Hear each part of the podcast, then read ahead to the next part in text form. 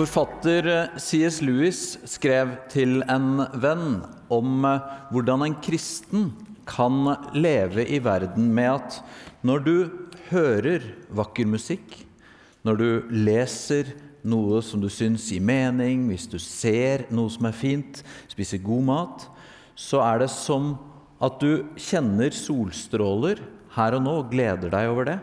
Men du har også dette blikket som følger solstrålene oppover til solen. Og du får denne doble takknemligheten. Det er vakker musikk. Og takk Gud som har skapt musikk og livet og alt det gode vi ser. Fordi vi kan leve lyttende. Nå skal vi straks lese Bibelen sammen. Og så kan du sitte her og så kan du høre ordene, og så kan du høre en ytre fortelling. Men under der så kan du være bedende, at du ber Gud om å vise noe til deg og til ditt indre menneske som kan være til liv og hjelp for deg. Hele vår sivilisasjon er dypt preget av Jesus. Både det som vi tenker over og ser, men også på veldig mange måter vi ikke legger merke til. Det har f.eks. blitt helt naturlig for oss at vi som samfunn vi prøver å ta mest hensyn til de minste blant oss. Du går i trafikken, så har fotgjengere eh, Vi skal ta mest hensyn til de. Det, sånn er det ikke alle steder. Eh, og det var helt utenkelig før kristen tro kom. Kan hende har du tråkket på eh, noen av de 30 000 ca. kumlokkene som er i byen vår, med bilde av Sankt Halvard, uten at du har tenkt over historien som fortelles om Sankt Halvard. At det var 23 år gamle Halvard Vebjørnson som en maidag i 1000 1043 ble drept ute i Drammensfjorden fordi han prøvde å redde en dame fra aller laveste sjikt i samfunnet, en ugift gravid trell eller slave som var anklaget for tyveri. Den dagen i 1043, da det skjedde, så var det ingen som skjønte hvorfor Halvard, som det fortelles var fra en stor gård og en fin familie, var villig til å gjøre noe sånt for henne som ingen brydde seg om. Men det var fordi han hadde fått høre historien som den gang var helt nye i Norge, om Jesus. Historien som snudde opp ned på hvordan vi så på verden. Neste gang du går på et kumlokk, så kan du se ned og tenke på at historiene om Jesus de har satt mange, mange spor. Det er derfor vi disse ukene har sett nærmere på noen av disse historiene. Altså menneskene som møtte den historiske personen Jesus Kristus. Vi har kalt søndagene mestermøter.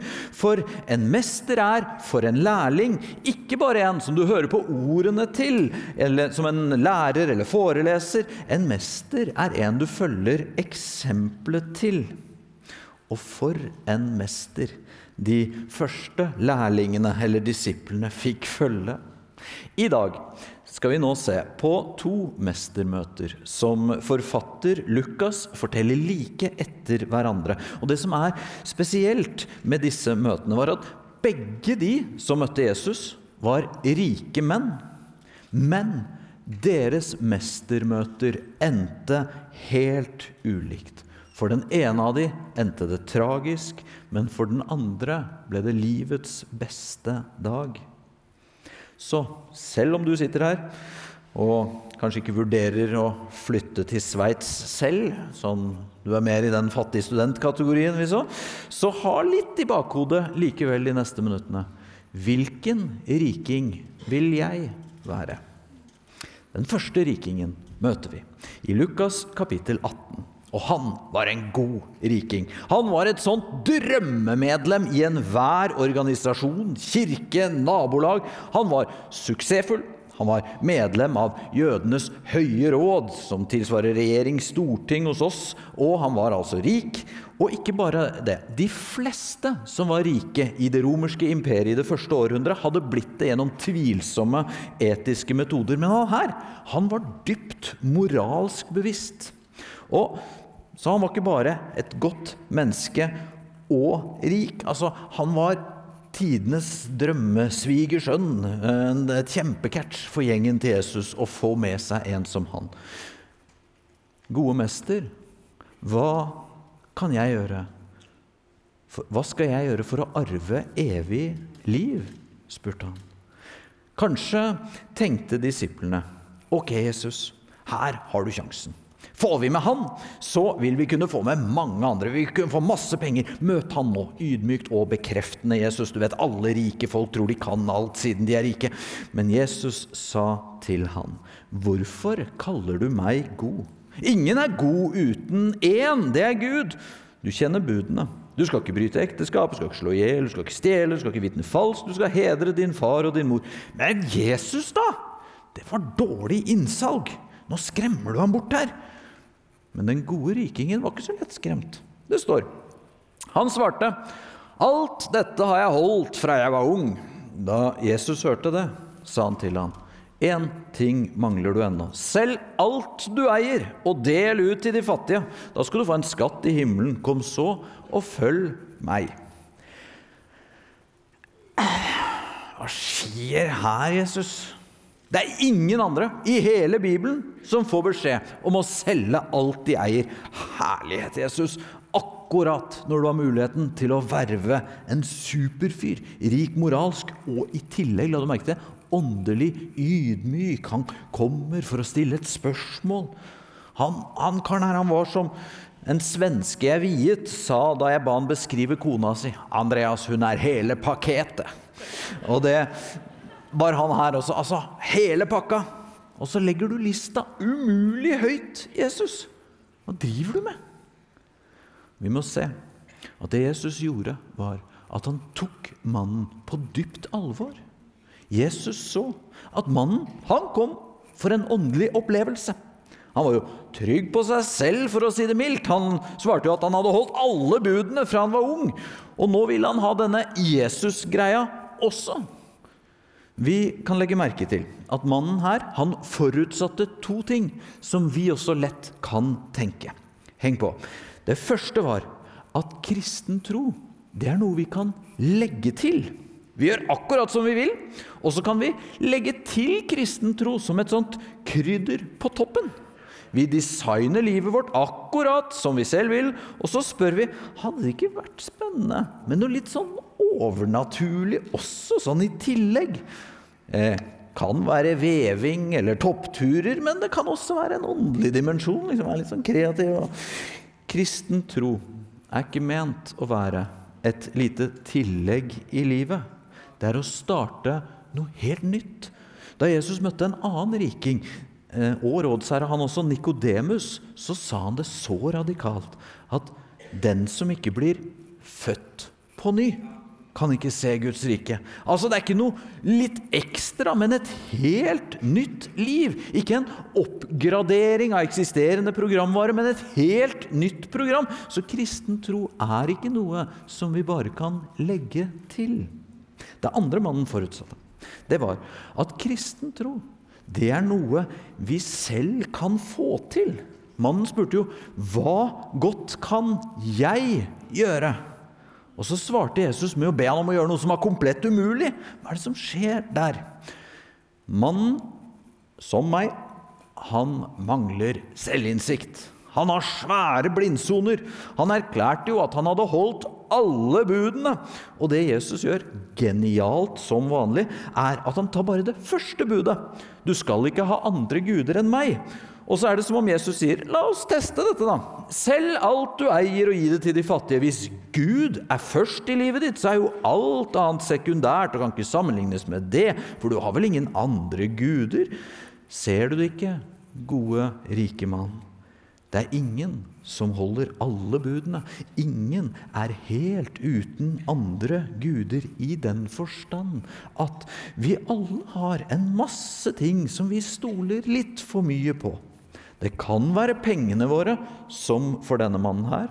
Det kan være jobben, tittelen, utseendet, statusen, familien vår. En hel masse gode ting som vi, hvis vi ser nært nok, kan oppdage fungerer som andre guder. Altså som ting vi setter vår lit til. Vi tenker på det hele tiden, og vi tror at bare vi får det der til å funke, så er vi reddet. Ser du på en nål med øynene, så ser den helt perfekt og glatt ut. Ser du den gjennom et mikroskop, så vil du se at den er full av hakk og sprekker.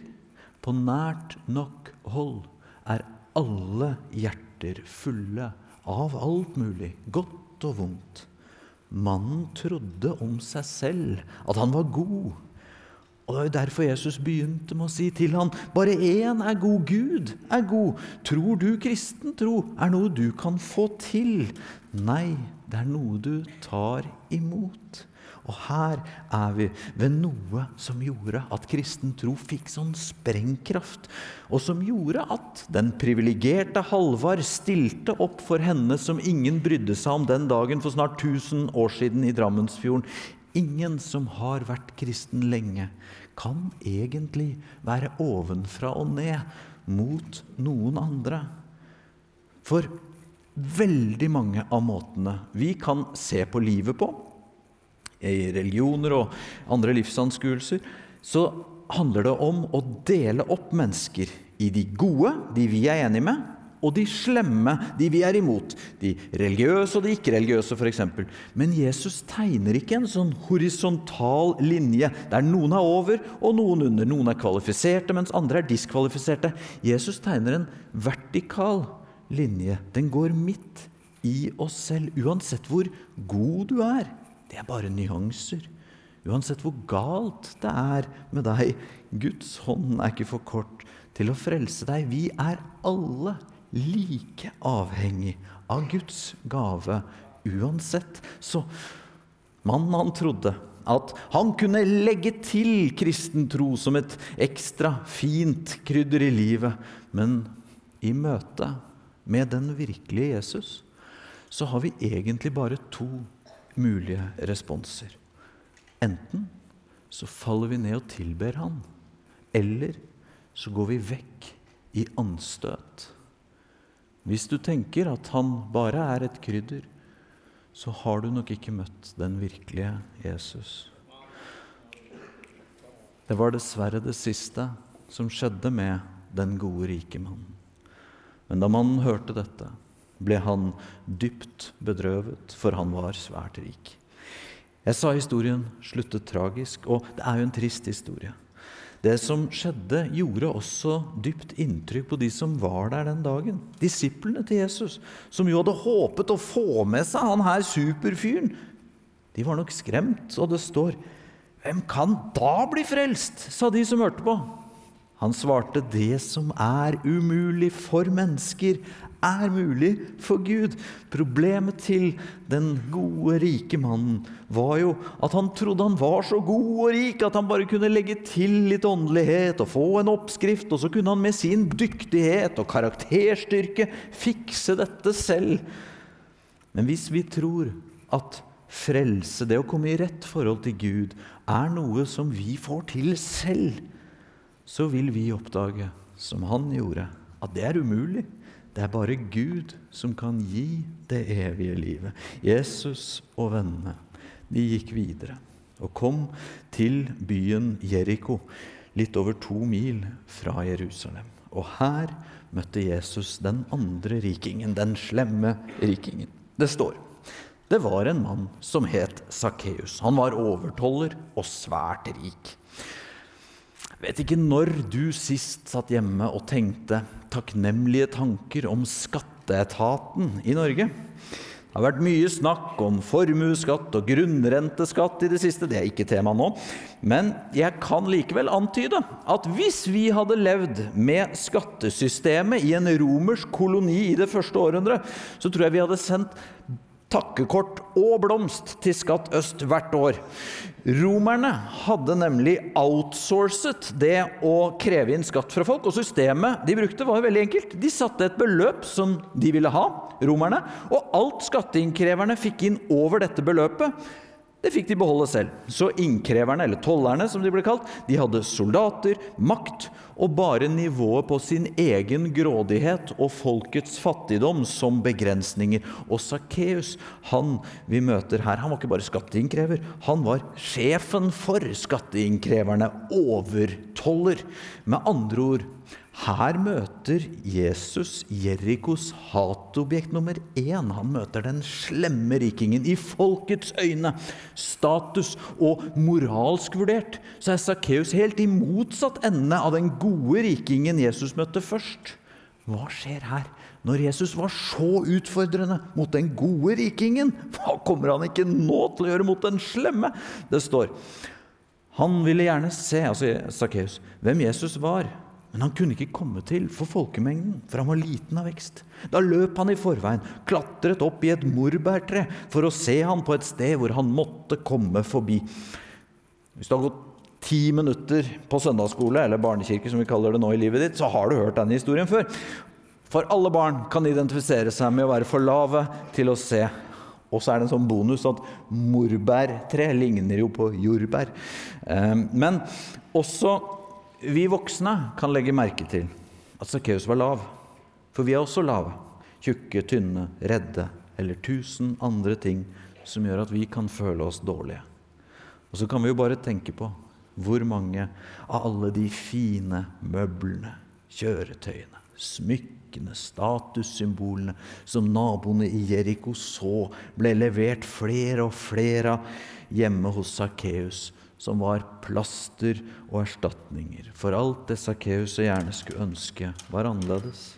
Men hva var det han gjorde? Der den gode rikingen i stad var respektabel og snakket med Jesus om hva han selv skulle gjøre, så klatret Sakkeus, han som hele livet hadde kjempet så hardt for å bli respektert og beundret, opp i et tre selv i vår tid er det jo ikke noe sånn pluss for selvrespekten for en voksen mann å klatre opp i et tre offentlig for å se. På denne tiden var det en ren vanære. Barn kunne selvfølgelig klatre i trær, men ikke en voksen. Sakkeus ofret sin verdighet for å se Jesus. For de fleste av oss så handler ikke sånt om å klatre i trær. Men det kan hende at du har en kollega, en medelev, et familiemedlem som alltid hånler av disse teite kristne. I alle kulturer, til alle tider, vil det være forskjellige trær, altså trospraksiser eller trossannheter, som gjør det å følge Jesus latterlig i noens øyne. I vår tid kan det jo være det med å tro på noe overnaturlig som blir som å klatre i et tre. Jo da, barn kan klatre i trær, barn kan tro på eventyr om flyvende vesener og magi, men en voksen skal være forbi sånt. Som Petter Pan sier, øyeblikket du tviler på om du kan fly, mister du for alltid muligheten til å gjøre det. Vi lever i en tid som lenge nå har sagt at det å tro på noe mer enn, og noe større enn deg selv, det er for barn. Vi har omfavnet Max Webers tese, som han i 1917 formulerte sånn her. Vår tids skjebne er preget av rasjonalisering og intellektualisering og fremfor alt av verdens avfortrylling. Altså, før trodde vi at det var værguder som styrte været og avlingen og helsen. Men nå har vi forstått at naturlover og vitenskap og verden har blitt mye mindre mystisk, og det er mye sant i det. Likevel er det interessant, akkurat nå for tiden, at vi kanskje står ved begynnelsen av et skifte her. Kirkehistoriker Joel Haldorf er en av flere som hevder at vi rundt oss nå ser tegn til en resakralisering. altså Særlig dette med nyateismen, for deg som husker det for noen år siden med Dawkins og sånn var inn. Eh, og den flate, materialistiske måten å se verden på, det har vist seg å ikke svare på våre dypere lengsler. Selvsagt er det bra med alt som vi forstår nå, som våre forfedre ikke forsto om hvordan verden fungerer. Men mennesket er også mye mer enn det. En bønn i Salme 42 beskriver det som dyp roper til dyp. Det var noen som lo av Sakkeus den dagen og syntes det var barnslig at han var så ivrig etter å se Jesus. Og det er noen i dag som sier at vår dypere lengsel ikke er noe å bry seg om.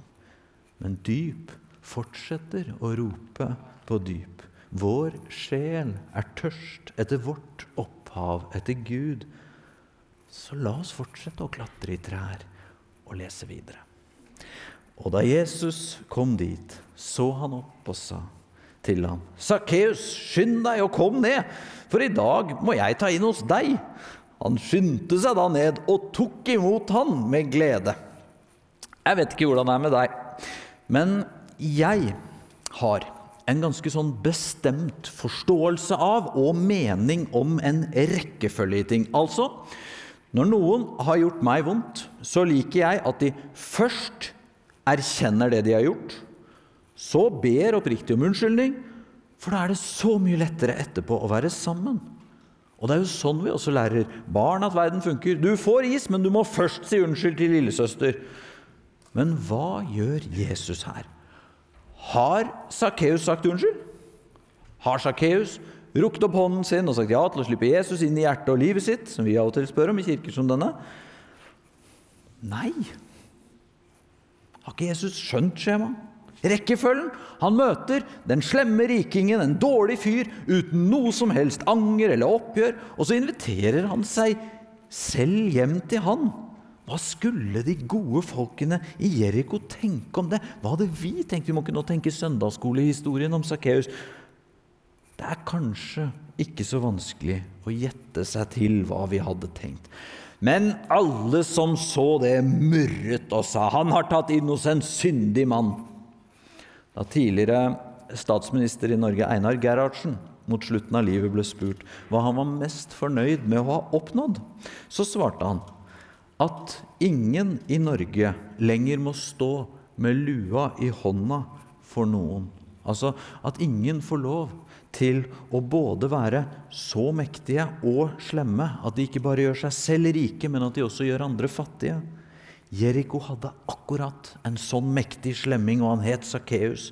Og folks reaksjon var helt forståelig. Skatteinnkreverne i dette samfunnet var økonomisk kriminelle på et nivå så drøyt at det gjorde de fleste andre fattige. Det er noe i disse mestermøtene, disse menneskene som møtte Jesus, som egentlig aldri bør slutte å sjokkere oss. Hver gang Jesus møtte bibellærere, religiøse ledere, pastorer, kunne vi kanskje sagt, så tok Jesus de fatt. Men hver gang han møtte skatteinnkreverne, de som virkelig var de økonomisk kriminelle her, seks ganger bare i Lukasevangeliet, så møter han de positivt. Hva er det? Når Jesus møtte den gode rikingen, så var han så utfordrende. Men når han møter den slemme, så inviterer han seg hjem til han. Jesus tar en sjanse her. For de fleste mennesker kan ha sympati med en angrende synder, med en politiker som legger seg helt flat, men ikke med en ikke-angrende, flirende hvitsnippforbryter som har satt bestemoren din på gaten gjennom korrupt business. Jeg tror om meg selv at jeg hadde murret med folkemengden. Men Jesus viser oss her hvordan Gud er. Den Gud som Esekiel århundrer tidligere hadde beskrevet sånn her. Jeg vil lete opp de bortkomne, føre tilbake de fordrevne, forbinde de skadde, styrke de syke, vokte de fete og sterke og gjete dem på rett vis. Jesus viser oss en Gud som alltid leter etter de som er mest fortapt, og som trenger det mest, og som først møter, ser, inviterer seg hjem til, før det kommer selvinnsikt, ydmykhet, anger og et helt nytt blikk på livet sitt. Min rekkefølge er altså innsikt, anger og så relasjon og godhet. Men Guds rekkefølge er godhet, relasjon og så innsikt og anger. Som en respons på den godheten. Eller som Paulus beskriver det, skjønner du ikke at Guds godhet driver deg til omvendelse. Altså det at vi snur oss bort fra det som skader oss selv og hverandre. Så hva skjedde med Sakkeus da han fikk Jesus på besøk? Hvordan gikk det? Hva ble responsen hans? Ble det så fint? Da har jeg Jesus oppå alt det andre jeg har skaffet meg i livet. Nå var jeg heldig. Nei, det står Men Sakkeus sto fram og sa til Herren, Herre, halvparten av alt jeg eier, gir jeg til de fattige. Og har jeg presset penger av noen, skal de få firedobbelt igjen. Hva er det Sakkeus gjør? Loven var tydelig på hva han skulle gjøre. Alle på denne tiden visste det. Det står da skal de bekjenne synden de har gjort, så skal de gi full erstatning for ugjerningen og en femtedel i tillegg til den de har gjort urett mot. En femtedel skulle Sakkeus gitt ekstra. I stedet gir han fire ganger hele beløpet. Hva er det her? Her kommer vi til spørsmålet vi begynte med. Hvilken riking vil du og jeg være? Og det er ikke så enkelt å svare på det her, faktisk. For mye i oss og mye i meg drar mot den første gode mannen. Han som ville ha en oppskrift å følge. Si meg, Jesus, hva skal jeg gjøre for å bli reddet? Det var spørsmålet hans. Og Jesus svarte, hvis du har tenkt å gjøre det selv, så blir det umulig. Da må du selge alt og være perfekt. Det er umulig for mennesker. Men vent og se. Like her borte i Jeriko skal jeg møte en kriminell riking, ikke en sånn samfunnsstøtte som deg. Og han skal jeg bli med hjem før han har gjort noe som helst. Sakkeus, den slemme rikingens respons, ble altså, når det kom til stykket, å gi mye mer enn det oppskriften, loven, krevde. For han fulgte jo ikke en oppskrift, han responderte på erfart kjærlighet. Følger du logikken til den gode rikingen, så spør du hvor lite må jeg gjøre for å fortsatt være god? Hva, det, hva kreves det av meg, liksom? Men følger du logikken til den slemme rikingen, så spør du med denne fantastiske godheten som jeg har fått, helt ufortjent, hva, hva er en naturlig respons på det? Hvor mye av livet mitt kan jeg gi? Og så handler det jo ikke nødvendigvis eller først og fremst om penger, men om alt i livet. Sakkeus visste han hadde ikke engang invitert Jesus hjem. Han hadde bare latt være å si nei da Jesus selv kom og spurte. Og det er manges historie selv om Jesus. Og så fikk Sakkeus Jesus og livet. Og så ga han bare sin naturlige hjerterespons på den kjærligheten som Jesus møtte han med. Så igjen hvilken riking ligner du og jeg mest på? Spør jeg meg selv hva må jeg gjøre for å ha et hyggelig tillegg i livet? Eller er jeg som et barn i et tre? En som ser forbi hånfliret fordømmelsen fra folkemengden, men som ikke sier nei når Jesus inviterer meg hjem. Og Sakkeus, for han så ble dette mestermøtet hans livs beste dag. Og det fikk forme livet hans videre. Og dynamikken er altså som følger. Spør vi hvor lite vi må, så ender vi opp i en matematikk som taper.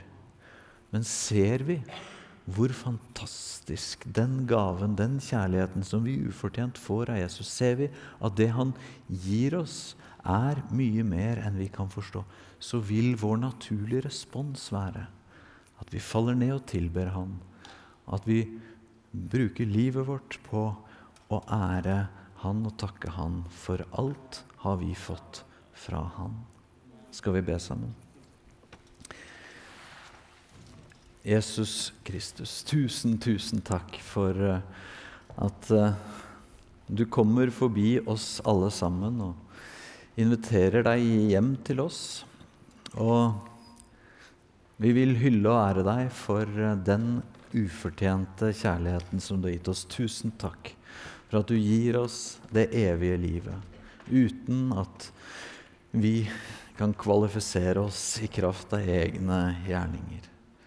La det lyset som skinner fra denne historien, lyse opp vårt indre menneske, sånn at vårt liv får være en sånn hjerterespons på det. Gi oss å oppdage og se mer av din godhet. Og gi oss at vårt liv får eh, formes av den sangen du synger over oss, den tonen, den kjærligheten som du møter oss med. I ditt veldig sterke navn, Jesus Kristus. Amen. Du har nå hørt en podkast fra Filadelfia-kirken i Oslo. Vil du vite mer om oss, gå inn på filadelfia.no. Og ikke minst velkommen til å feire gudstjenester med oss hver eneste søndag, enten fysisk eller online.